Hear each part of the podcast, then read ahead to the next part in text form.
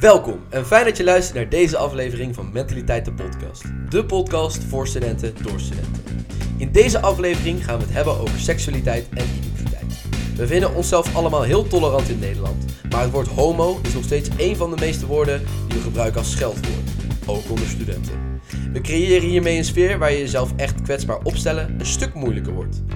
Hoe praat je over je geaardheid en je seksualiteit? Welkom allemaal. Naast mij eh, eh, zitten eh, Renske en Tess, allebei studenten aan de TU. Ik ben zelf ben Bram en tegenover mij zit Jasper. Jasper die heeft seksuele voorlichting gegeven op basisscholen en middelbare scholen. En is de oprichter van de webshop Condoom en zo. En vandaag gaan wij praten over seksualiteit en identiteit. En ik zal maar misschien beginnen met de eerste vraag. Hoe geaccepteerd is het eigenlijk echt momenteel binnen, binnen Nederland, binnen de studentenwereld, om, om queer te zijn eigenlijk? Dan, eh, dan trap ik af. Nou, eh, Jesper, aangenaam, inderdaad, eh, eigenaar van condoomso.nl. Ehm, hoe geaccepteerd het is om queer te zijn. Ehm, ik denk dat we als Nederland vrij, vrij tolerant zijn met, met alle identiteiten die we tegenwoordig hebben. Want dat zijn er tegenwoordig ook eh, behoorlijk wat. Ik denk dat we wel, eh, dat we wel nog heel wat eh, stappen moeten maken. Ehm, hoe geaccepteerd het is, heeft ook wel een stukje te maken met hoe je opvoeding is geweest. Waar je vandaan komt, welke opleiding dat je doet. Er spelen van allerlei dingen spelen daar een rol. We zijn goed op weg, maar we zijn er nog lang niet. Ja, want bijvoorbeeld eh, in de intro hadden we het over de homo, het woord homo als scheldwoord gebruiken. Ja. Hoe komt dat over op, op, op, op mensen? Denken we daar genoeg over na? Ehm, ik denk dat er vooral uitvloept. Ik denk dat er niet over wordt nagedacht. Ehm, ja, je, maakt, je, denkt van tevoren niet na over de woordkeuze die je maakt, dus je vloept het er eigenlijk gewoon uit. Ehm, maar ik denk wel dat dat de persoon in kwestie, die op dat, op dat moment daar dan mee bezig is, dat die wel gekwetst kan worden. Maar dat is ook een stukje persoonlijkheid. Hoe ga je daar zelf mee om en welke tegenslagen ben je daarin gewend? Ja, want, want Renske, stel jij zegt het woord homo en iemand zegt tegen jou, ah, ik vind het niet zo fijn dat je dat zegt. Hoe, hoe zou je dan reageren? Zeg maar, van, wat, wat zou je dan doen? Ja, ik denk dat ik me echt doodschaam. Gewoon een beetje dat ik denk, ja, het was ook echt totaal niet nodig. En dan kwets je iemand ermee.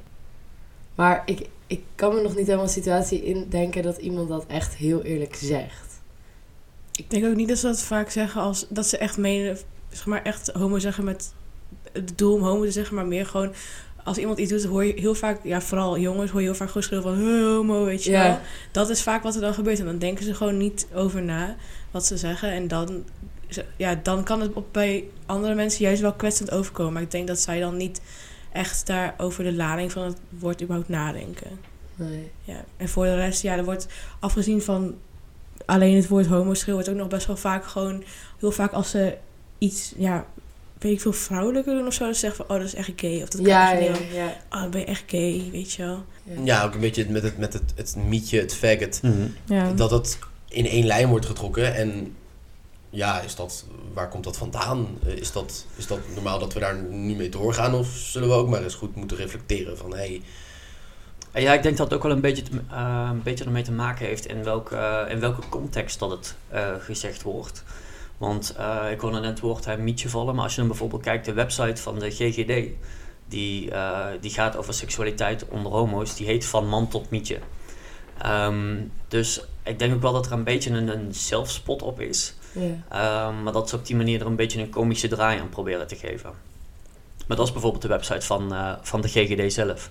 Ja, Ja. het is wel lastig, want je ziet natuurlijk ook wel vaak dat mannen die op mannen vallen, die hebben ook heel vaak, ja, het klinkt, het is totaal niet stom bedoeld, maar gewoon wat meer vrouwelijke trekjes. Ik kan daarmee echt zoveel chiller gewoon een goed gesprek voeren en iemand die stelt zich zoveel makkelijker kwetsbaar op voor mijn gevoel. En het zal vast niet voor iedereen gelden, maar dat is wel lastig, want je gaat ook niet helemaal ontkennen dat dat er is, toch? Ja, ik, ik snap hem. Alleen ehm, de mensen wat jij zegt, ehm, die hebben vaak wat vrouwelijker trekjes.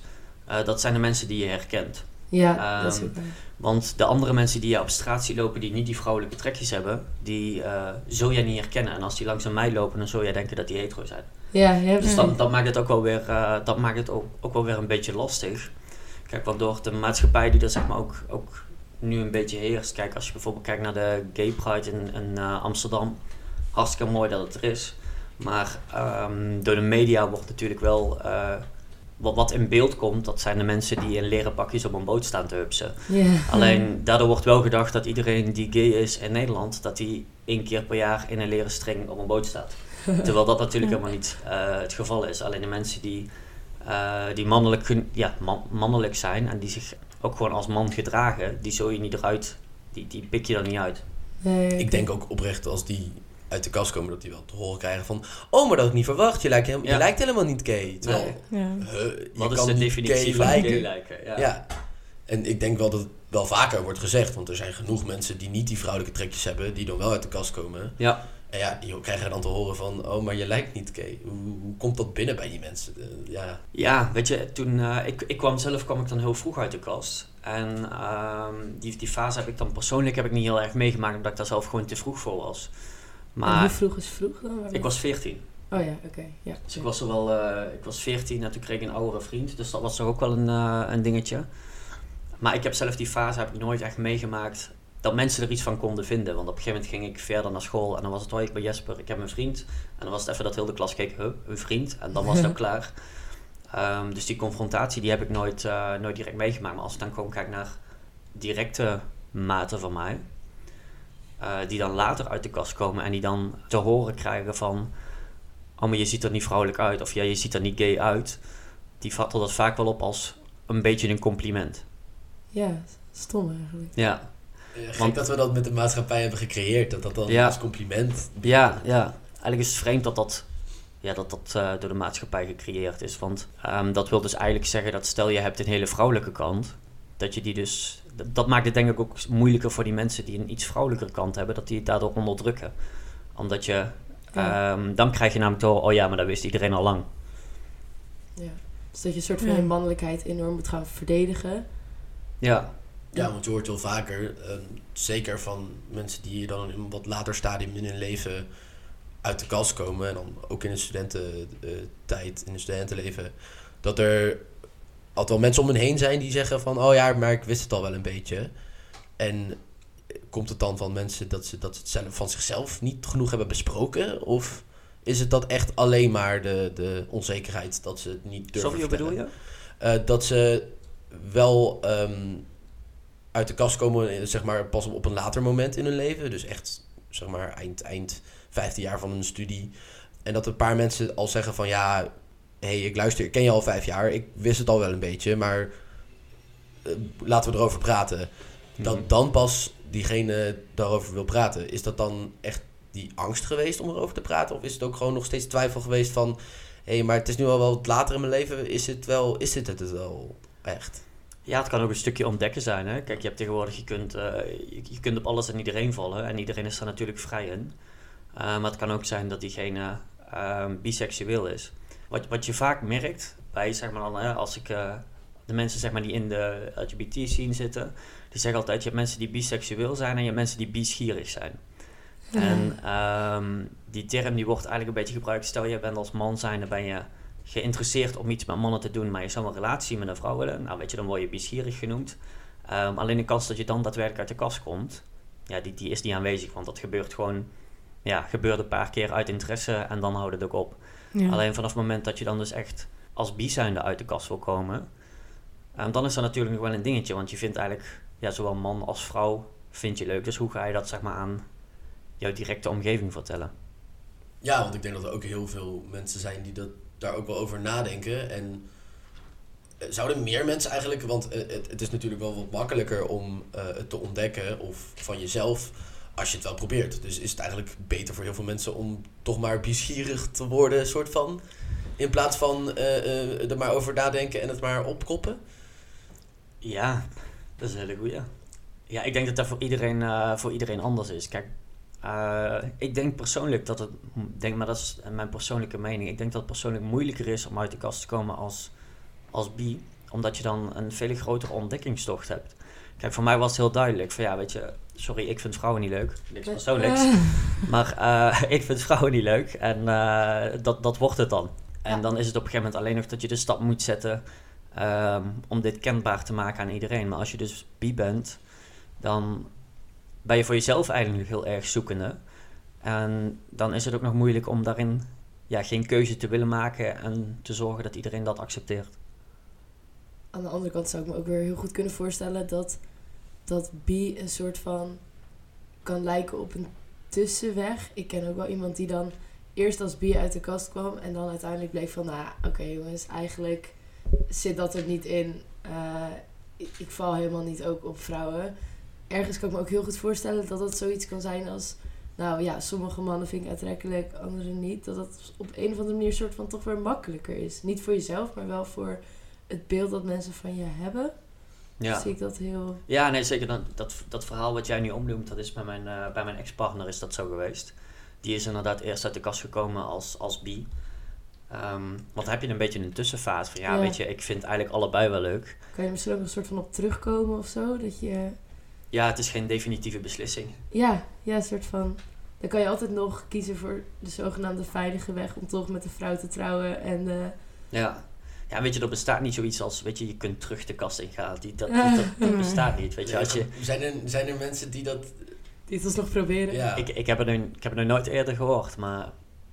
Ja, weet je, het is wel een, een beslissing die je, zeg maar de beslissing die je dan maakt, dat zeg maar... Het is natuurlijk ook wel een wel overwogen beslissing. Ja, absoluut. 100% van de absoluut, tijd. Dus, ja. ja. Maar de beslissing die je dan maakt, dat zeg maar bepaalt zeg maar wel de koers van de rest van je leven. En dan de beslissing van het kenbaar maken, niet de beslissing van hé, hey, ik nee, precies. ben tot dat al geweest natuurlijk. Ja. maar dat maakt zo'n beslissing ook natuurlijk alleen maar moeilijker. Zeg maar, je bent je daar heel bewust van, lijkt me. Ja, er ligt heel veel druk op. En dat maakt het ook uh, des te moeilijker om uit de kast te komen. Ja, daar kan ik me wel in vinden. Nu zeggen ze wel dat dat voor vrouwen makkelijker is dan voor mannen. Ja, ik merk dat zelf wel. Ik, uh, ik was zeg maar. Uh, ik, mijn beste vriend die is homo en toen hij, zeg maar, hij had zoveel moeite met uit de kast komen. En dat vond hij echt heel erg. Hij was heel bang dat mensen hem echt gingen judgen en zo. En ja, dat gebeurde ook wel. En toen ik zeg maar uit de kast kwam als bi, toen was het gewoon ja, eigenlijk niemand die keek echt op of zo. Of die dacht echt van, oh, dat is raar. Of ze vonden er niks van. En het was gewoon allemaal prima. En ik denk eigenlijk dat dat onder vrouwen, wat zeg maar, uh, queer vrouwen wat meer geaccepteerd is of zo. Vooral zeg maar bi, omdat uh, dat wordt op een gegeven moment ook nog wel heel erg geseksualiseerd of zo. Want ik merk dan heel vaak dat op een datingprofiel dat je zet dat je bi bent, dan krijg je best wel vaak berichten van, oh, wil je een trio met ja, mijn vriendinnen? Ja, een soort van sexy of zo. Ja, precies. En dat... Want, en want hoe lang heeft het geduurd voordat die beste vriend van jou uit de kast kwam en in de tussentijd dat jullie het wel over hadden en hoe lang heeft het geduurd voordat jij zeg maar als... Uh, ja, ik, ik ken hem dus zeg maar echt al sinds ik heel klein ben en ik ben echt, denk ik toen ik 14 was, ja, ik heb nooit echt, echt ben ik uit de kast gekomen. Maar sinds ik 14 ben ik wel een beetje gewoon aan mensen langzaam kenbaar laten maken van... hé, hey, ik val ook op vrouwen. En hij heeft het eigenlijk pas sinds, uh, nou, ik denk misschien een jaar of zo gedaan. Dus dat heeft wel, denk ik, vijf jaar ongeveer tussen gezeten. En ik denk dat het ook wel te maken heeft met waar we vandaan komen. Het is gewoon een klein dorp en daar was het gewoon niet echt geaccepteerd. Of was het heel raar en kreeg je veel opmerkingen. En nu zijn we dus allebei naar ja, een grotere stad gegaan voor onze studie. En daar wordt het ook veel meer geaccepteerd. En dan ook andere mensen die hij dan niet kent. En even een nieuwe start. En toen, toen voelde hij zeg maar wel de, de veiligheid om uit de kast te komen. Ja, want in aflevering 1 hebben we met Lara ook uh, wat dingen besproken over uit de kast komen en, en seksuele veiligheid. En een van de dingen die zij als student diversity officer heel erg had gemerkt, uh, was dat vrouwen eigenlijk een stuk vaker uh, uit de kast komen in de studentenwereld. En dat mannen toch, toch vaker ja. zich stilhouden. Waar denk, je dat jij, waar denk jij dat dat een beetje aan ligt? Ik denk ook dat het heel erg ligt aan hoe het uh, in je eigen kring speelt, zeg maar. Sowieso heb ik het idee dat vrouwen er over het algemeen iets opener over zijn. Of tenminste, uh, dat mannen doen alsof ze er niet open over zijn of zo. En dan is het ook makkelijk om als vrouw uit de kast te komen. Want toen ik het aan mijn vriendinnen hier vertelde, waren ze van... Oké, okay, en prima. In, prima. En ik denk dat het als man nog wel een grotere stap is. Vooral omdat het ook vooral echt met uh, in de studentenwereld onder mannen, ook wat we ook eerder hadden besproken, echt dat nog een beetje homo als negatief ding ja. uh, beschouwen. Dat het dan die stap zoveel groter maakt dat het nog echt wel moeilijker is om het als man te doen dan als vrouw. Ja. liggen denk ik misschien ook wel veel meer stereotypes rondom ja, uh, homo-mannen dan vrouwen die lesbisch zijn. Want ik zou nu niet echt bepaalde per se trekjes kunnen bedenken van vrouwen die bi zijn of alleen op vrouwen vallen. Ja, Ja, Er wordt nee. niet zo'n enorme sticker. Nee, als, als man zijnde wordt gewoon verwacht, hè, dat is een beetje de maatschappij die je gecreëerd hebt. Als man zijnde wordt gewoon verwacht dat je bier drinkt en dat je op voetbal zit. Ja, Ja, klopt. ja. En als je dan in één keer dansen en ballet leuk vindt en je drinkt graag wijn, ehm, dan pas je eigenlijk niet in het kader. Dus ehm, dat maakt het denk ik ook wel een stuk lastiger om als man zijnde uit de kast te komen. Plus als, ehm, ja eerlijk is eerlijk, als je op straat am zijn hier op stap gaat en je ziet twee vrouwen met elkaar eh zoenen, dan wordt dat vaak zeg maar eh, aangejuicht. Ja. Maar Ja. ja. ja, heel eerlijk, ik als man zijn durf niet met mijn ex. Of, Nee, of met mijn ex. of met mijn ex, of met mijn partner. niet met mijn ex, maar eh, of met huidig partner of date. Ik zou niet hand in hand durven lopen. Niet zozeer omdat ik, eh, omdat ik mijn mijn mannetje niet weet te staan. Niet zozeer omdat Mhm. ik geen commentaar terug weet te geven. Maar gewoon omdat het al heel snel wordt gezien als, ehm, oh die is aan het provoceren. En die Ja. wil laten zien dat hij op mannen valt. Terwijl dat helemaal vaak de situatie niet is. Nee, precies. Ja. Hey, en dan soms, ik vind het dan zo, zo dubbel en ook wel echt eh, jammer dat vrouwen dit toch wel kunnen. Je kan letterlijk gewoon met een normale vriendin, kan ik gewoon arm in arm. Ik, kan, ik heb genoeg vriendinnen die op voetbal zitten, die... Je hebt gewoon als vrouw heb je beide opties. Terwijl op een, of andere manier accepteren we het niet als Ja. een man hetzelfde doet. Ik vind dat zo krom. Man, als man-man zou dat wel kunnen, maar dan moet je aan allebei kunnen zien dat ze hartstikke bezopen zijn. Dan wordt er ja, niks van. Ja. dan, Heel gek ook. Van, Ja.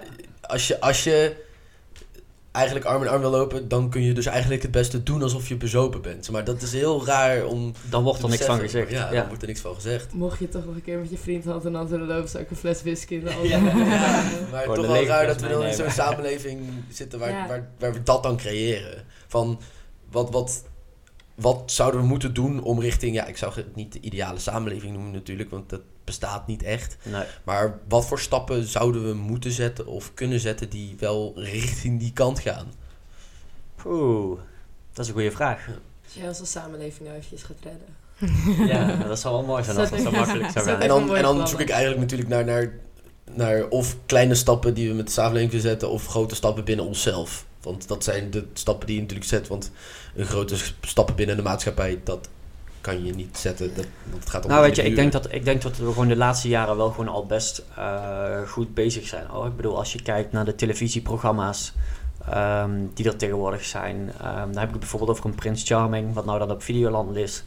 Ehm, dat laat ook wel zien, zeg maar, dat de mannen die op mannen vallen, dat daar ook gewoon normale mannen tussen zitten. En dat dat niet altijd, zeg maar, de provocerende mannen zijn die graag iets extraverts willen uitstralen. Uh, maar ook kleine dingetjes, hè, dat als in grote steden dat er een keertje een, een regenboogbank wordt neergezet of zo'n regenboog zebrapad of weet je, het zijn van die kleine dingetjes, maar daarin laat je wel als stad merken van hier is het geaccepteerd. En ehm, ja, steeds meer mensen zien dat ook. En voor steeds meer mensen is het ook gewoon normaal dat er zo'n zebrapad ergens in de stad ligt of dat er Ja. ergens een trap is of zo'n bank staat of dat er ergens aandacht voor wordt gevraagd. Ik denk wel dat, we dat, dat dat de kleine stapjes zijn die je als maatschappij kunt doen. Door uit te stralen dat het oké is. Ja, want ik denk ook, ik ehm, liep laatst in Den Bosch. En daar hebben ze dus ook al een tijd van die, ehm, van die zebrapaden eh, regenboog overheen eh, geverfd.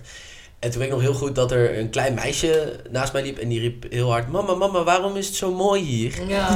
En Ja. toen was zo van: dat is voor de mensen die, eh, eh, die eh, op, zeg maar, op, dat is voor de mannen die op mannen vallen en de vrouwen die op vrouwen vallen. Oh, maar waarom mag ik er dan geen? Van, en, en die moeder vroeg dus heel lief van: hou je van jongetjes of van meisjes? Oh, dat weet ik eigenlijk niet. Ja. Dat was echt een heel mooi gesprek. En ik was, Ja. stond in de rij om bossenbollen te halen. Maar Ja. ik heb wel echt Dan goed meegeluisterd. Ik heb Ja. goed meegeluisterd van... ja. Dat is wel precies de manier hoe je daar ook als ouder mee omgaat. Want ja, als je je kinderen dat soort dingen meegeeft... dan heb je wel een generatie die er beter mee omgaat uiteindelijk. Maar door dat soort opvoeding, eh, door dat soort opvoeding eigenlijk te creëren, eh, zorg je ook dat je kind later makkelijker uit, de uit de kast komt, mocht het zo zijn. Ja. Want ze vraagt inderdaad, hè, weet je, ze laat de keuze open van val je op jongetjes of val je op meisjes. Maar vanaf het moment dat je als moeder had gezegd, ja, maar dat is niet, eh, jij komt straks gewoon met een vriendje thuis of jij komt straks met, eh, met die en die thuis, dan plak je er eigenlijk al een stempel op. Ja. En eh, onbewust maakt het dan op jonge leeftijd, maakt het voor diegene toch moeilijker om dan later uit de kast te komen. ja, vooral gewoon dingen die je ouders dan onbewust zeggen, kunnen heel veel invloed op een kind hebben. En ook gewoon de manier van het taalgebruik als ze het hebben over... In plaats van te zeggen van... Oh ja, later als je gaat trouwen met je man. Of dat je... Ja, dan... Ze kunnen... ja. Ja. Het is dan misschien juist beter om te zeggen... voor je partner later of zo. Gewoon alle opties vrij houden. Dan voel je als kind ook meer de vrijheid en de veiligheid om ook uit de kast te kunnen komen. In plaats van het onderliggende idee van, oh, mijn ouders verwachten van mij dat ik per se met iemand van het andere sla- geslacht thuis kom. Dus dat, dat maakt ook wel een grote stap. Wat mij dan wel weer lastig lijkt in die verandering is dat dat voor mijn gevoel alleen werkt op het moment dat, dat je dat echt als ouder meent of zo. En echt Ja, achter staat. Terwijl ik heb bij mijn ouders dat ik wel denk, volgens mij, ze denken ook echt gewoon dat ik met een jongen thuis kom. En nu is die gedachte bij mij wel terecht. Want ik ben er inmiddels wel uit. Ik denk wel dat ik echt hetero ben.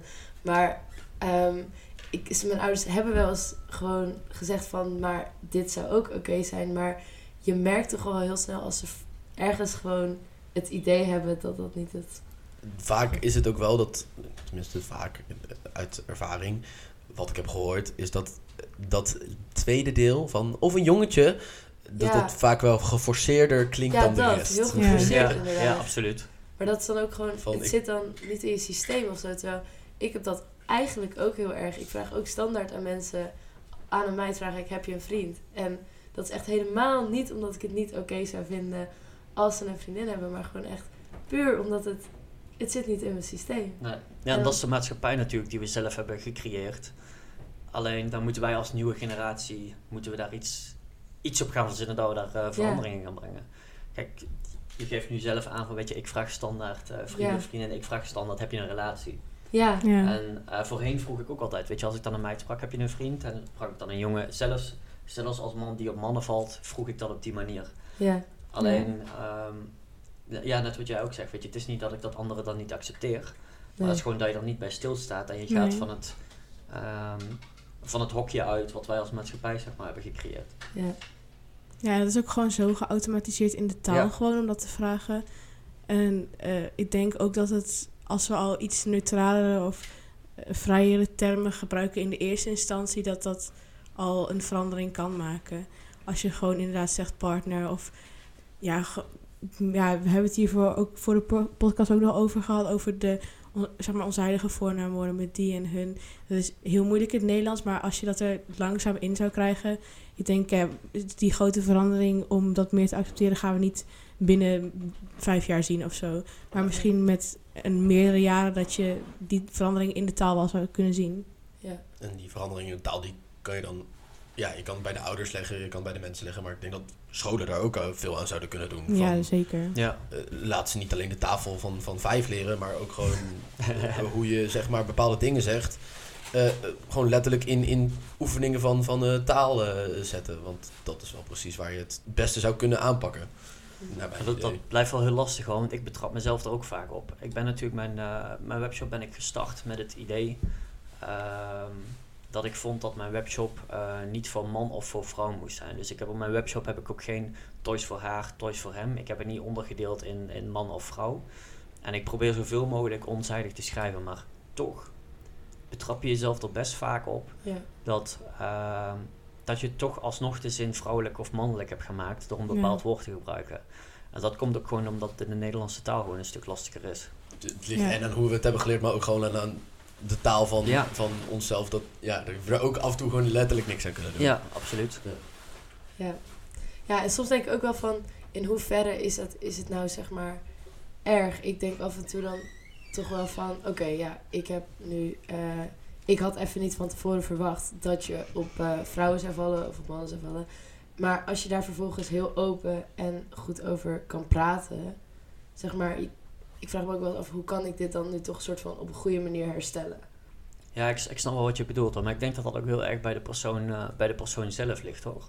Van, ehm, geeft die persoon dus inderdaad aan dat hij het vervelend vindt? Of geeft die persoon aan van, nou ja, weet je, ik heb liever dat je me aanspreekt op deze manier? Ja. Of, ehm, wat denk ik in de meeste gevallen gebeurt, zegt hij niks. Ja, Ja. En ehm, als er natuurlijk niks gezegd wordt, dan is het ook heel moeilijk om iets te corrigeren. ja, dat is een beetje ongemakkelijk. Ja, Maar als er niks gezegd wordt, betekent niet altijd dat degene er niks bij voelt, toch? nee, nee, absoluut Ja. niet. nee, ja, maar Want hetzelfde idee met, ik, heb, ik ben nog nooit aangesproken. Ik, ik gebruik het woord homo af en toe gewoon per ongeluk, omdat het Ja. eruit vloept. Ik ben er nog nooit op aangesproken door iemand. Maar ik weet eigenlijk wel heel erg zeker dat ik het wel vaker in het bijzijn van, van mensen heb eh, gebruikt die wel homo waren. En ik kan me niet indenken dat je er helemaal niks bij voelt dan, toch? Ja, ik denk dat dat echt heel persoonsafhankelijk is. Als ik dan bijvoorbeeld kijk naar mijn eigen vriendengroep, weet je, ik, eh, de meeste mensen in mijn groep die zijn allemaal hetero. En ehm, als een maat van mij eer, het eerst naar huis gaat tijdens een stapavond, dan ben ik, ik vaak degene die hem naschreeuwt. Maar dat is dan misschien ook een beetje eh, overcompenseren, zeg maar. Hè? Het, het ongemakkelijke ervan afhalen. Oh ja. Ehm, want ik, ik merk heel, erg- heel erg, omdat je dat dan vaak als eerste doet, dat mensen erop reageren. Maar, oh, oh, maar jij bent zelf toch. eh, en dan, wordt, dan is het ongemakkelijk is er vanaf.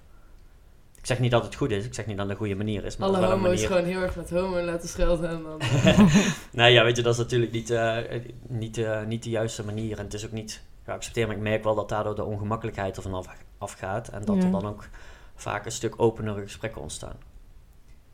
Is Ja. het dan wat dat betreft misschien niet ja, problematisch, wil ik niet zeggen, maar het, dat stukje wat je eerst al zei van dat vrouwelijke, dat je dan gay bent, is dat niet veel erger eigenlijk? Want dan leg je, kijk, homo roepen kan heel inhoudloos zijn, terwijl eh, het gay noemen dat iemand aan ballet doet, eh, zit naar mijn mening veel meer lading achter. Want dan zeg je eigenlijk meteen van dit vrouwelijke past niet bij mannen. eh, Ja, ja, denk ik wel. Ik denk wel dat je daar gelijk in hebt. Ja, ik denk ook dat er, eh, dat er op mannen zo'n enorme druk zit om een bepaald stereotype te zijn. Ja, En dat houdt hen gewoon heel erg tegen om daarvan af te wijken. En dat is gewoon eng. En dan ben je, ja, dan ben je gewoon bang dat zodra je buiten dat kader valt, dat er dan kritiek komt. En dat weerhoudt er ook heel erg van. En ik denk dat dat ook wel zo'n verbetering zou zijn als we überhaupt die druk voor mannen verlagen om een bepaald stereotype te zijn. En ja, het is niet erg als ja, het is gewoon hartstikke normaal als jij niet voldoet aan de ik drink alleen maar bier en ik zit op voetbal en eh, Ja. ik heb een lage stem, weet je wel. ik denk dat daar... ik denk dat er ook sowieso gewoon echt nog wel veel meer problemen uitkomen. Want je hebt ook gewoon dat stukje kwetsbaar opstellen. Wat, nou, daar hebben we het ook echt wel eerder over gehad. Maar mannen huilen niet echt. Eh, als je dat wel doet, dan ben je ook meteen, meteen een soort softie eigenlijk. Dat, Ja, al is dat wel... Dat wordt gelukkig tegenwoordig wordt dat, steeds, eh, wordt dat wel steeds minder hoor. Tegenwoordig, eh, tegenwoordig mogen mannen zich ook kwetsbaar opstellen. En is het ook niet vreemd hè, als jij problemen hebt met jezelf, dat je als man zijn en met een Ja. psycholoog in gesprek gaat. Dat mag tegenwoordig allemaal. ja. Gelukkig maar, want Ge- het is, gelukkig, al, het is ja. al wel decennia zo dat het, eh, sterftecijfer onder mensen die zelfmoord plegen veruit het grootste deel is man. Ja. En dat komt, eh, dat weten psychologen, vooral omdat mannen zich niet kwetsbaar durven opstellen, maar opkroppen.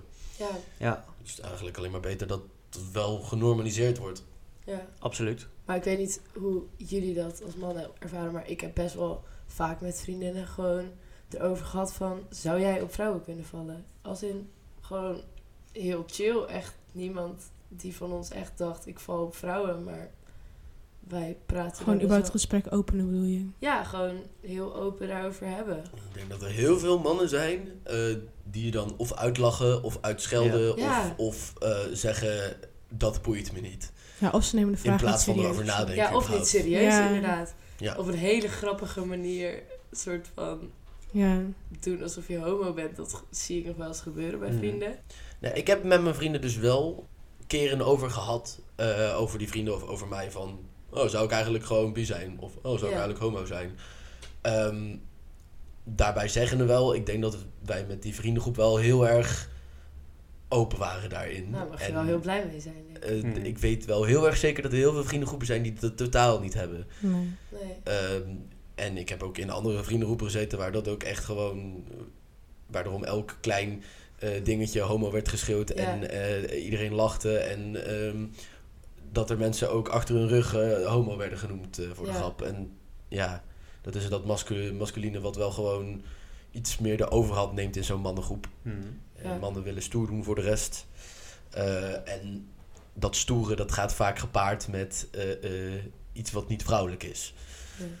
Maar is het dan dat je dat gesprek aanging met, eh, met vriendinnen gewoon uit interesse? Of is dat omdat je ehm, vermoedens had dat wellicht een vriendin ook op vrouwen zou kunnen vallen? Nee, nee, echt puur uit interesse eigenlijk. Dat, eh, volgens mij Dat is knap, dat is mooi dat dat hadden we kan. toen letterlijk allemaal een relatie met, met een jongen. Dus nee, gewoon echt... eh, ja, maar dat, het was ook wel bij ons gebeurde het wel eens dat eh, vriendinnen met elkaar zoenden voor de grap tijdens zo'n flesje draaien of zo. En dan, ja, dan heb je het er misschien wel eens over van, zou dat gek zijn als een vriendin dan op vrouwen zou vallen of zo? Of ga je daarmee om? Of, ja, je ligt altijd gewoon, vrouwen, ik weet niet of mannen doen dat misschien tot een bepaalde leeftijd, maar als een vriendin bij mij komt slapen, ligt ze gewoon bij mij in bed. Ja, ik heb dan best wel vaak gewoon het gesprek gehad van, ja, hoe zou dat zijn als je dan op vrouwen valt? Als een, Maar dat is meer een gesprek uit interesse, maar natuurlijk ook een andere deel is. Stel je merkt oprecht iets aan iemand waarvan je vermoedens krijgt. Ja, Hoe, hoe stap je op iemand af? Stap je überhaupt op iemand af of laat je diegene met de eerst persoonlijke eventjes- aanval. Dat Ja, je denkt van- nou, Ja. Van, stel je hebt de vermoedens en stel je merkt van ah, misschien zit diegene er wel een beetje mee, zal ik het vragen. Je kan ook heel kut overkomen als je zegt, hey trouwens, eh hey, ben je gay man? ja, Ja. Ik Maar- kan me heel goed indenken dat er heel veel mannen zijn die dat wel even wat minder fijn opnemen. En er zullen ook ja, echt wel een mannen zijn die, gewoon. die wel over willen praten, maar op zo'n manier ook niet eh, open, zich openstellen. Dus hoe, hoe kan je dat het beste doen? Ik denk dat dat voor die persoon ook alleen maar moeilijker maakt. Want ehm, wat ik bijvoorbeeld heb gemerkt in een verleden van mij, ehm, daar hadden wij ook iemand die viel op mannen. En eigenlijk heel de groep wist al dat hij op mannen viel. Alleen hij zelf kwam er nog niet vooruit, maar hij had wel iemand leren kennen. En die had hij dan leren kennen via werk. En daar ging hij nog gewoon mee eten. Maar allemaal wisten we, zeg maar van ja, weet je, da- daar ben je mee aan het daten. Ja, En als we dat dan bespreekbaar, maakten, of bespreekbaar maakten met hem, dan ehm, ging hij vooral zeg maar, overcompenseren. Dus dan ging hij zich die avond nog mannelijker gedragen en Ja. ehm, eh, het de hele tijd over vrouwen hebben. En vooral zeg maar, dan, dan ga je overcompenseren. Dus ik weet, niet, eh, ik weet niet of je zo iemand kunt triggeren om dan eerder uit de kast te komen. Ik denk eerder dat, dat het dat ook in sommige gevallen moeilijker kan maken. Maar op een gegeven moment kom je toch op een leeftijd dat ehm, dan worstel je zo met jezelf. En ehm, ja, je kunt het niet blijven wegdrukken.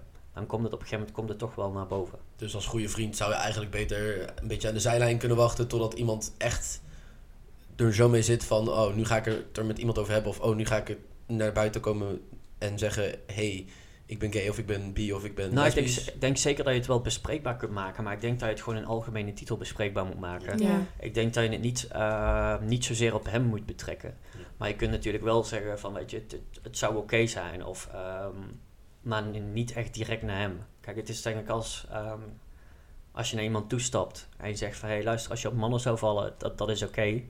En eh, hij, vindt, hij zit op dat moment met zichzelf te worstelen. Dan duw je hem eigenlijk alleen maar ja, verder die Ja. kast in. want daarmee zeg je eigenlijk meteen al, ik denk dat je, ik, Ja. zou, ik zou dat niet zomaar tegen iemand zeggen waarvan ik gewoon denk dat hij hartstikke hetero is. Dat is toch Nee. ook, Nee, maar er zijn heel veel mensen die wel eh, natuurlijk oprecht, oprecht gewoon eh, iemand willen steunen en merken dat iemand met Ja. zichzelf in de knoop zit. En ik kan me heel goed indenken dat mensen ook gewoon twijfelen over hoe ga ik dit aanpakken. ja. Ja. Dus dan is het belangrijk voor die mensen om te weten, heel persoonlijk gaan zeggen van, hey, je kan me vertrouwen en het is goed als je gay bent. Of het is goed als je bi bent, of het is goed als je lesbisch bent. Dat dat niet per se een goede aanpak is. Ja, ik denk ook wel, weet je, vaak dat soort gesprekken, hè, van weet je, het is oké als. Dat soort gesprekken ontstaan vaak op zaterdagavond als er een paar pilsjes of een paar wijntjes in zitten. ehm, en in groepsverband. En ehm, ik denk als je zo iemand wil steunen, dat je dat beter één op één kunt zeggen waar niemand er al bij is. Plus, ja, weet je, ik kom maar eventjes iets heel snels in me op hoor, maar kijk, je zou al. eh, eh, je ziet iets op tv met twee mannen of met twee vrouwen. En eh, je zou daar een opmerking over kunnen maken van, weet je, het is mooi dat dat kan in Nederland.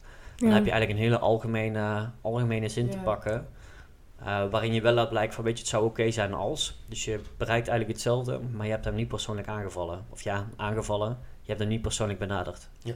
Dus ook wel fijn dat die programma's er steeds vaker Ja, zijn. op absoluut, tv, want absoluut. Ja, kunnen kinderen ook wat belangrijk. vaker, eh, ja, eh stellen we eraan bloot, überhaupt. Ja, Want er is dus in Hongarije was laatst een wet aangenomen dat eh, dingen die als homo of, of lesbienne kunnen worden ervaren dat die niet op tv mochten komen. En ik was zo van, oké, kan opslachtig klinken, maar als je het eventjes stap voor stap gaat bekijken, dan is het eigenlijk je jeugd eh, al indoctrineren met het is niet oké. Ja. ja daar zit ook gewoon heel, heel veel verschillen tussen Nederland en, eh, en ook gewoon andere landen binnen Europa. Als je bijvoorbeeld kijkt, in 2017 is er een kamp geopend in Tsjetsjenië. Waar Ehm, ligt dat? Hè? Dus Rusland. Ah, oké, Ja. ja. Om, eh, om mannen die op mannen vallen en vrouwen die op vrouwen vallen, eh, af te leren dat ze daarop kunnen vallen. Zo. En dan hebben we het over vier jaar terug. En, Echt met dat stukje van je geneest er wel van of zo. Ja, nou dat Ja. heet letterlijk genezingstherapie. ja, Oh, Ja. Mhm. Alleen de erg is eh, ook eraan, dit heeft nog niet eens 100 jaar geleden in Nederland ook plaatsgevonden. Ja. Ja, en misschien zijn er ook oprecht wel ouders die er zo in staan als hun kind zoiets zegt. Het lijkt me echt heel naar als je uit de kast komt en toch een soort van niet serieus wordt genomen. ja. En zo zijn er veel van dat soort, eh, weet je, ik zit op heel veel verschillende Facebookgroepen. Ja. Eh, maar dat was een, ehm, ja, wat zal het zijn, een kleine drie maanden terug. Was er een, ehm, een eh, transpersoon die wilde, graag, die wilde graag verhuizen. Maar ehm, ja, ze had heel veel problemen met haar ouders, financiële problemen. En toen is een vriendin van haar eens een crowdfunding is gestart. En die was in no time ging die viral en zijn daar zoveel bedragen zijn erop gedoneerd. En twee weken later had ze een woning in Amsterdam. Wat En dan heb je één, heb je een woning, heb je een woning nodig en dan vind je twee een woning in Amsterdam. Dat is de woning Ja. helemaal. eh, Ik ga deze natuurlijk ook aanpakken. ja, dat precies dat. Maar ja, weet je, dat is wel het stukje van de. eh, dat is een mooi stuk wat die community in zich heeft. Is omdat we allemaal weten hoe lastig het kan zijn. En ook ik heb mijn eigen bijdrage gedaan, maar iedereen gooit allemaal een paar euro gooit die bij elkaar. Ja, Ja. En mooi. dat helpt zo iemand dan. Dat is die hechtheid van die community Ja, natuurlijk ook ja. wel. Ja. Ja. Maar ik kan me ook wel weer voorstellen dat wat je ook al eh, aan het begin zei, van eh, de mensen die zo open en zo actief ehm, uit de kast zijn gekomen, dat die ehm, dat je ook wel eens hebt dat je niet bij die groep, eh, hoe zeg ik dit? Ja, nee, ik kan me ook voorstellen dat, dat eh, ondanks zo'n Facebookgroep bijvoorbeeld zo ontzettend mooi is, dat, je, dat het een stap te ver is voor sommige mensen. Dat Omdat het op social media moet, bedoel je? ja, en gewoon überhaupt. Open en iedereen dat je dan weer zien. meteen, dan ben je weer meteen in zo'n zo'n speciale groep daarvoor, als het ware. Ja. Dat het weer, dan krijg je ook weer dat extreme hokjes, dat je, dat, zou, dat heb je ook al natuurlijk wel onder de studenten, eh, verenigingen speciaal daarvoor. En dan krijg je toch wel misschien dat er wat meer stereotypes daar dan heen gaan, terwijl je eigenlijk ook gewoon meer homo's zou mogen hebben bij een hele algemene studentenvereniging. Ja, Maar ik snap wel wat je bedoelt. Zeg maar dat, omdat ze dus groepen vormen om steun aan elkaar te hebben, dat versterkt aan de andere kant ook weer het afscheiden van de rest of zo. Ja, ja Dat dat, een die beetje- Ja. Nu- Nee, ik, ik snap wel inderdaad Ja. wel wat je bedoelt, maar ik denk ook wel dat dat is heel moeilijk om daar ehm, ja, om dat niet te doen, omdat Ja. mensen vaak toch het idee hebben dat ze ehm, eh, gediscrimineerd worden of dat ze toch Mhm. niet helemaal thuis horen in de maatschappij. Ja, eh, of ja, het idee hebben dat ze die thuis horen in de maatschappij. Dan maakt het ook wel dat je er sneller groepen voor krijgt. Ja, dus dan zoek je elkaar ook wel gewoon op. En dan, Want dat doe je eigenlijk ook, hè, weet je, dat doe je natuurlijk ook met een, eh, een gay bar bezoeken. ja. En ehm, daarmee onderscheid je jezelf eigenlijk ook ja, ehm, van het normale gedeelte van Stratum Eind bijvoorbeeld. ja, Maar toch is het als je daar op stap gaat, is heel anders dan dat je in een andere zaak op Stratum Eind eh, op stap zou gaan. Ik denk dat het ook helemaal niet erg is als dat zou gebeuren, zeg maar. Want ik denk dat het gewoon belangrijk is, zolang iemand die queer zich veilig voelt, dan maakt het niet echt uit welke groep ze zeg maar in zitten. Nou, En natuurlijk wil je als algemene vereniging of kroeg of iets wel graag zien dat je ook, ja, ehm, ook eh, queer people welkom heet binnen je groep. Mhm. Maar ik denk dat dat het beste gewoon kunt doen door meer persoonlijk zeggen van... Als jij bijvoorbeeld een vriend kent die, weet ik veel, lesbisch of bi is... Die zegt van, oh, kom een keertje bij ons kijken of zo en zo. Dat je Ja. het wat makkelijker maakt. Meer Nee, één je moet het niet te, niet te veel forceren. Nee, Nou, precies, ja. een stukje diversiteit, ja, Ja. dat is het enige wat je kunt doen als, als kroegeigenaar. Ja. Dat heb ik ooit meegemaakt in Amsterdam. Daar waren, wij, eh, da- daar waren we op stap en dat was gewoon een, een normale zaak. En daar eh, waren op een gegeven moment twee mannen met elkaar aan het zoenen. Mhm. En toen maakte de DJ maakte een opmerking van, eh, mogen we hier even op proosten? Dus zeg maar, hè, dat, Ah, het, dat het kan, dus zeg maar in positieve zin. Dus ook als kroegeigenaar kun je daar iets aan bijdragen. Of als, hè, als, als, mensen die dat, of als, als jij dat zeg maar ziet. Ja, weet je, als ik bijvoorbeeld mensen in de stad zie lopen van hetzelfde geslacht hand in hand, maak ik ook altijd een opmerking dat ik knap vind en tof vind dat ze dat doen. Ja. Ehm, het zijn toch de kleine dingetjes. het Die zijn, ja, het zijn die kleine dingetjes die je zelf kunt ja veranderen. zeker. Ja, dat vind ik zeg maar zelf ook het chills om te zien. Ik hoef niet per se ergens groot in koeienletters op te hebben staan. Jij bent gay en dat is oké of zo. Maar gewoon echt de kleine dingetjes van als ik gewoon door de stad loop en ik zie dat een random bedrijf, ja, volgens mij zat dat laatst bij de ABN AMRO of zo. Die had zo'n kleine gay vlag hangen. Toen dacht ik van, ah, dat is chill. Zeg maar gewoon die kleine dingetjes, dat zorgen ervoor dat je je op je plek voelt en Ja. gewoon ja, geaccepteerd voelt. Ja. Daar kan ik wel in vinden dat dat gewoon belangrijk is dat je voelt dat je erbij hoort. Ja. En ja, dat die, die groepen die zijn er nou eenmaal. Nou ja, weet je, als wij van hockey houden, dan gaan we allemaal bij een hockeyclub. ja. Ja, Ja. zijn we onszelf dan aan het afscheiden van de rest omdat we van hockey houden? Nee. Nee, ja, het is ook wel Dus, logisch. Ja. Dus dat is Je hebt daar natuurlijk gewoon wel... clubjes voor en groepen voor. Ja. Precies. Ja. Ja, en dat is lastig, maar dat is wel gewoon precies Ik denk waar dat je die zich beter bij voelt. Die, die clubjes die zul je altijd blijven houden. Alleen het enige wat je kunt doen is eh, laten merken dat je open staat voor diversiteit. Want is het ook zo... ehm, ik ben in mijn leven een paar keer in een gaybar geweest. eh, dat Hoe vond je he- dat? hetero mensen steeds vaker naar gaybars gaan. Ja, vooral hetero, hetero vrouwen. Ja. Vind je dat weer, weer dat, maar dat dat- makkelijker? Nou, Ja. Ik vond het dus heel grappig om daar te zijn, want ik was daar dus gewoon met, eh, met een paar mensen die ik kende, eh, vooral vrouwen. En ehm, meerdere keer op de avond kwam er dan een man bij me langs en dan was ik wel zo van, nou ja, dankjewel voor het aanbod. Ik, vind, ik, ik, ik, ik waardeer het compliment, maar nee, dankjewel. Ja. Ja, weet je, ik, ik kan heel erg aanbevelen aan elke man. Eh, stel je er even voor open en ga naar een gaybar. Want het is echt Ja. geweldig. En je gaat aan het einde van de avond loop je de gaybar uit met een heel goed gevoel over jezelf. Ja. is goed voor je ego. Dat- Ja, Ja, weet je, heel veel hetero vrouwen die gaan, eh, die gaan natuurlijk wel naar een gaybad toe. Met de achterliggende gedachte, ja, maar dan word ik niet lastiggevallen door mannen. Echt? Ja. Oh, wow. Ja. Want ik heb Dat heel ook- veel hetero vriendinnen van mij die gewoon graag naar een gaybar gaan. En oprecht met de achterliggende gedachte van, eh, ja, maar dat, dat zijn al die mannen niet zo handtastelijk. En als ze handtastelijk zijn, dan willen ze niks van mij. Ja. Maar ik heb dus bijvoorbeeld ook hetero maten van mij die zeggen, Jesper, ik ga met jou mee naar de gaybar, want daar zijn hetero vrouwen. nou, dat eh, maakt het toch allemaal weer minder extreem. En dan krijg je uiteindelijk toch nog... Dus dan krijgen we toch weer die mix en diversiteit. Ja, ja, Ja. precies. Ik wil net zeggen, dus Renske, dus als je die mix wil, ga zelf naar een gaybar. Ja, ik, Ja. Niemand kijkt je raar aan als je zegt ik ben hetero in een gaybar. Dat is vooral Nee, een ding. helemaal niet. Nee. Dus dat is ook wel waar, denk ik, ook wel heel veel mensen nog die drempel zien van, oh ja, maar als ik hetero ben en dat ik zeg dat, dan word ik raar aangekeken. ja. Mensen vinden dat allemaal wel prima. Ja, maar de ongemakkelijke gesprekken die beginnen vaak door die mensen zelf.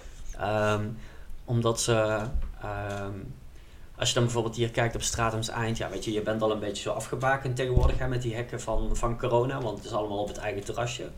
Dus dan komen er drie mannen voorbij en dan loopt er eentje loopt naar binnen en dan staan er twee zo te twijfelen. En uiteindelijk gaat de tweede naar binnen en de derde zegt nee, ik ga daar niet naar binnen. En dan zie je uiteindelijk, zie je dus, zitten daar twintig man, zitten daar op het terras. En eentje die zegt ik ga niet meer naar binnen. Nou, uiteindelijk is het toch groepsdruk, want die mensen op het terras beginnen ook te schreeuwen, ah joh, je kunt hier gewoon binnenkomen. ja.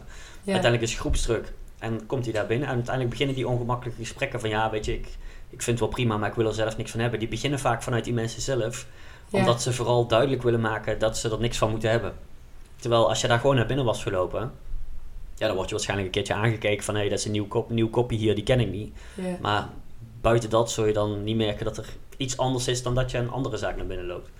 Ik vind het wel heel leuk om te horen dat dat zo... Ik heb dat echt nooit per se zo meegemaakt dat er zoveel hetero's zijn die naar een gaybar gaan. Maar het lijkt me op zich wel de manier om mensen te laten zien hoe oké het allemaal is. Ik bedoel, van wie kan je nou beter horen dat het oké is dan van mensen zelf die het hele Ja. proces... Ja. En dan is het eigenlijk jammer dat, eh, dat Eindhoven, als, hè, zo'n grote stad als Eindhoven, dat die eigenlijk maar weinig te bieden heeft ten opzichte van een Amsterdam. Ja. Want in Amsterdam heb je een reguliere dwarsstraat. En dat is, eh, nou ja, wat zal je zeggen, e- een derde van Stratums Eind. Ja, En dat is alleen maar gaybar. ja, Mhm. ja. En dan hebben we hier in Eindhoven hebben we één, één, twee zaakjes. Maar dan houdt het eigenlijk op. En dat is, dat is niet erg, want ja, weet je, nu ook tijdens corona is het natuurlijk een stuk moeilijker om een horecazaak staande te houden. Dat, Ja. eh, dat ja, terzijde. laat staan. eh, Laat staan als je jezelf al onderscheid, eh, onderscheid maakt naar een bepaalde groep toe. Dan Ja. heb je al Ja. steeds minder, of nog, een nog kleinere doelgroep. Ik snap dat dat lastiger is voor... Ja, ik snap ook niet waarom, waarom het dan tussen steden verandert. Van wat, wat verandert Eindhoven dan van...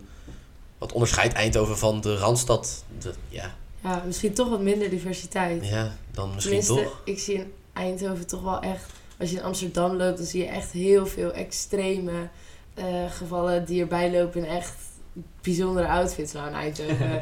Bijzondere outfits. ja, ik weet niet hoe ik dit moet verwoorden. Ik, ik kan ook even niet een voorbeeld noemen. Maar Wat opvallender. ja, zeg maar dat extreem heb je daar gewoon ook. En hier in Eindhoven heb je dat toch wel minder. Ja. Ja, en vaak zul je toch merken dat die mensen die daar dus wat hè, opvallender, zoals je dat noemde, Ja. eh, rondlopen, ehm, dat die vaak allemaal niet uit Amsterdam komen. Die verhuizen vaak naar Amsterdam Ja. toe, omdat het daar Daar getolereerd kan het. Ja. En daar Maar dat, dat kan best iemand zijn uit een of ander eh boerengehucht ergens in het zuiden of Ja. veel waar ergens. Ja. Heeft dan de tijd van zijn leven in Amsterdam. Ja. Ja, en in alle dingen die we zelf eh, eigenlijk zouden kunnen veranderen natuurlijk, ben ik eigenlijk van mening dat een van de grotere dingen eh, die ook belangrijk is, is dat we ook, ook niet alleen maar naar onze seksualiteit kijken qua op wie val ik, maar ook naar de seksualiteit kijken van eh, stel iemand valt op, eh, op dit geslacht of iemand valt op meerdere geslachten. Eh, wat is qua seksueel ehm, gebied, zeg maar, wat zijn de mogelijkheden daarin? Wat voor dingen gebeuren daarin? Wat, en vooral, hoe zorg je dat kinderen die daarover nadenken, daar een beetje de goede banen in worden gelijk, dat ze het wel veilig doen? Als in, je mist een heel stuk voorlichting. Ja, Naast ik, het ik, ik, basic ik weet namelijk heel goed van mezelf. Ik heb pas redelijk laat mijn seksuele voorlichting gehad. En dat was letterlijk dat mijn bioloog, eh, eh, biologieleraar eh, een banaan pakte, daar een condoom om, omheen deed. en eh, ja, dat was het. Ja. Letterlijk. Ja. Ehm, en toen heb ik later in biologie nog een beetje geleerd over het vrouwelijk en mannelijk lichaam. Maar ook gewoon op een manier waarvan ik dacht, lekker leren voor een proefwerk. het blijft biologie Ja. natuurlijk. Ehm, en ja, ik vroeg me eigenlijk af, eh, zeker aangezien jij Jasper gewoon eh, en op middelbare en op basisscholen seksuele voorlichting hebt gehad, gegeven. Ehm, wat zijn dingen die jij merkt binnen, binnen dat gebied waar echt wel steken worden laten, worden laten liggen, zeg maar? Ja, behoorlijk wat steken, denk Ja. ik. Ik denk dat de... Ja, weet je, het is een klein hoofdstuk vaak in je, in je biologieboek. En dat, eh, net wat je zegt, weet je, dat wordt voorgedaan met een banaan en een condoom. Ja, het enige wat je dan weet is hoe je een banaan vacuüm moet verpakken. Maar voor de rest weet je eigenlijk nog niet heel veel meer. Ehm, maar het is ook al... eh, het, is, het is echt de basisuitleg. Er is tegenwoordig is er zoveel meer. Er wordt altijd gesproken over, hè, weet je, de vrouw die heeft de pil. En eh, de man die gebruikt een condoom. En dat zijn de voorboedsmiddelen. En hè, een vrouw wordt ongesteld. En maar daar wordt altijd maar heel even, heel kort bij, bij stilgestaan.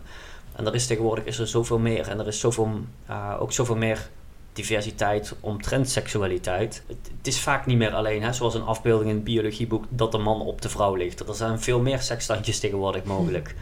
En ehm, het is niet dat ik vind dat daar een biologieleraar uitgebreid bij stil moet gaan staan. Maar ehm, de, de, de seksuele voorlichting van nu, die voldoet absoluut niet meer aan het beeld wat er nu is.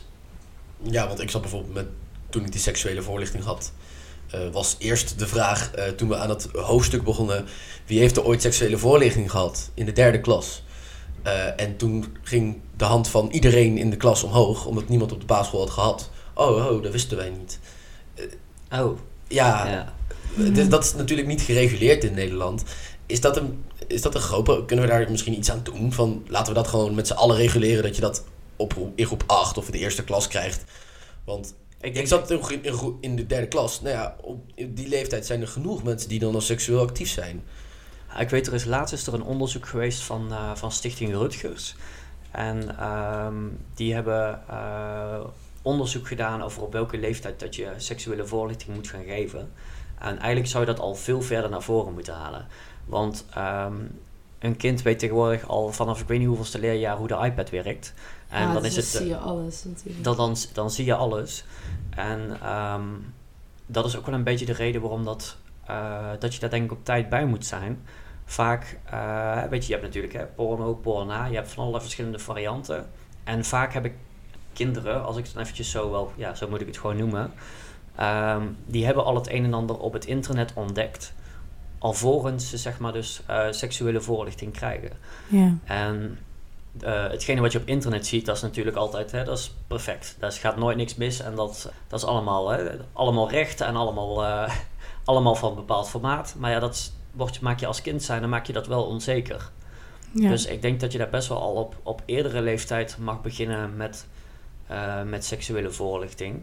En ook, ik denk zeker dat eh, ook porno en porna een stukje is waar bij stilgestaan moet worden. Omdat, eh, omdat mensen het heel onzeker worden door hetgene wat ze zien op het internet. Maar dat is natuurlijk het ideaalbeeld wat je hebt. Ja, daar kan ik me heel erg in vinden. Je wordt veel vroeger dan, eh, dan zeg maar in je, in je dertiende levensjaar Ja. al blootgesteld aan dingen die te maken kunnen hebben met Ja. seksuele, ja. met seksueel gedrag.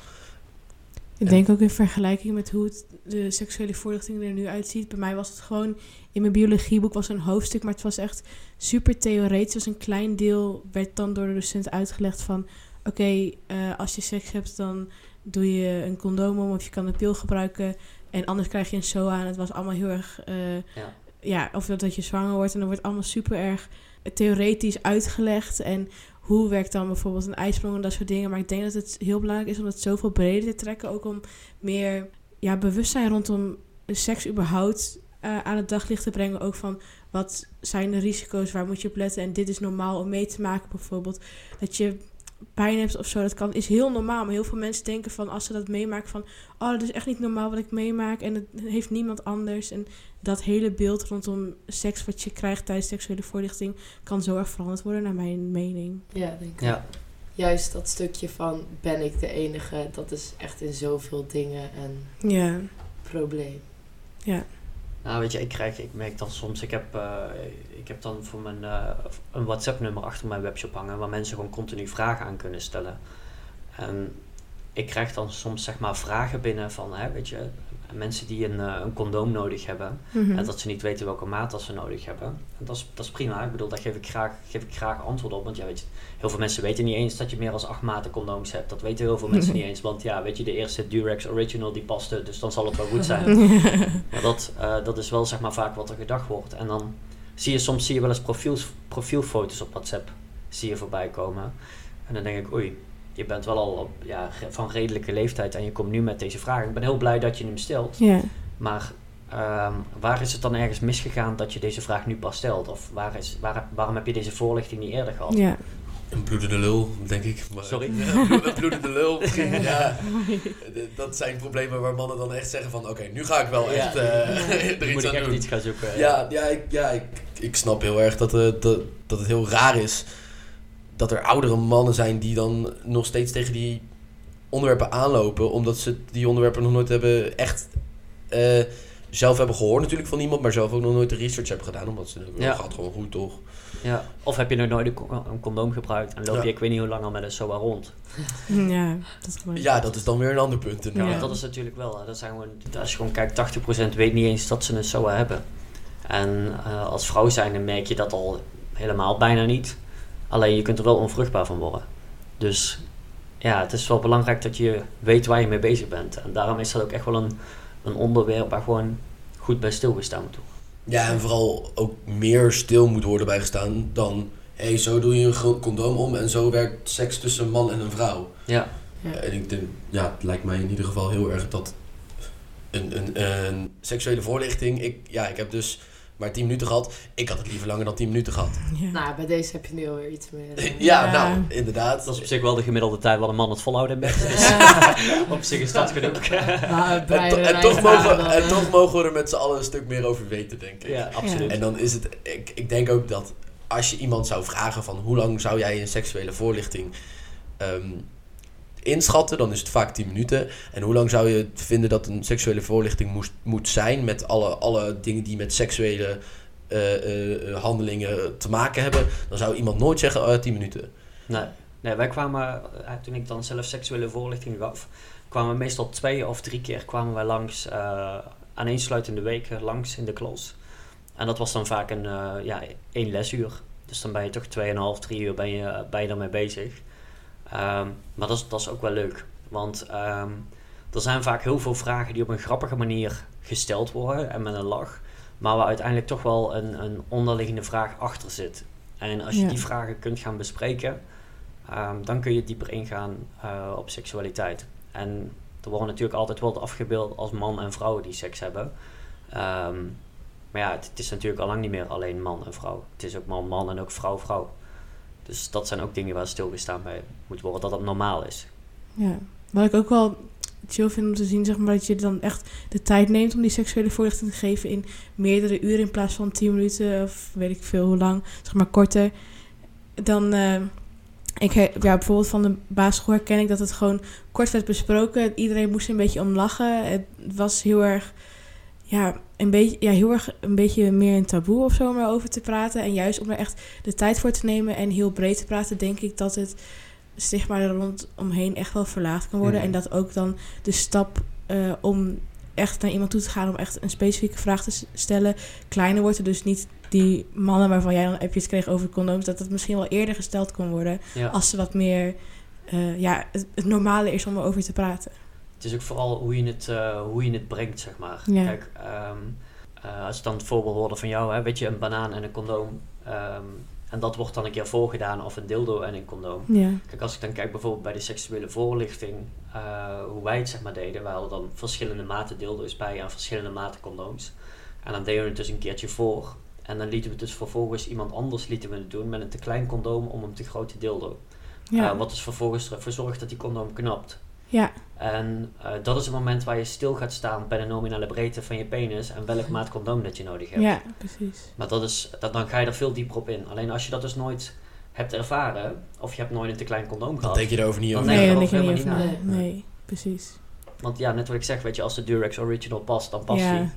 dan ga je ook niet verder zoeken. Nee. En het is natuurlijk ook natuurlijk net die bio-leraar die je al een jaar hebt, die je voor de klas staat, die het niet voor als, als zijn eigen baan doet, dus er ook maar een Ja. beetje ongemakkelijk mee omgaat. Dus het is natuurlijk snel ook wel... hoofdstuk heen. Het is Ja. Natuurlijk ook wel belangrijk van hoe je het brengt. Ja. En niet alleen maar van, ja, mijn seksuele voorlichting is altijd ongemakkelijk. Ja, ligt er ook wel een beetje aan natuurlijk. En je hebt ook zoveel mannen bijvoorbeeld die zeggen van ja, weet je, ik gebruik liever geen condooms, want dan kan ik geen erectie blijven houden. Ja, misschien heb je dan wel gewoon een te strak condoom. Maar ja, als jij nooit weet eh, dat er, hè, als je niet weet wat de nominale breedte van je condoom is. Ja, en dat eh, een strak condoom überhaupt ervoor kan zorgen dat je minder makkelijke stijven krijgt. Ja, nou ja, Ja. dat dus. Ehm, dan krijg je dus uiteindelijk dat mensen dat maar zonder condoom gaan doen. Terwijl, ja, het- mensen dat zeggen dat som- of als mensen zeggen, ja, zonder condoom voelt toch beter. Nou ja, weet je, ik weet niet of je hebt gezien hoe, hoe dun dat die Durex Invisible condooms tegenwoordig zijn. Ik geloof ik geen flikker van dat dat beter voelt. Dat voelt echt wel hetzelfde. Dat geloof ik ook inderdaad. wel. En dan maakte ik zelf de, maakte ik zelf de grap, hè. Geloof ik geen flikker van. dat vind ik een hele, ik mo- mezelf vind ik een hele mooie terugkoppeling om op af te sluiten. Eh, Tess, Renske, hartstikke bedankt dat jullie eh, hebben meegepraat. Ja, Eh, gedaan. Jesper, hartstikke bedankt. Ehm, Graag voor de gedaan. luisteraars thuis, eh condoomenzo.nl. Ehm eh, hier zit ook een mooi eh. WhatsApp-nummer aan om eh, vragen te stellen. Absoluut. Je, ergens- als je Ja, is naar... een stoute student. Je eh, Ik kijk ernaar uit, dus... eh, Ja. Ook in ieder geval hartstikke bedankt. Eh, en eh, dan eh, aan de luisteraars thuis hartstikke fijn dat je luisterde. En eh, hartstikke fijn dat je wat tijd voor jezelf nam.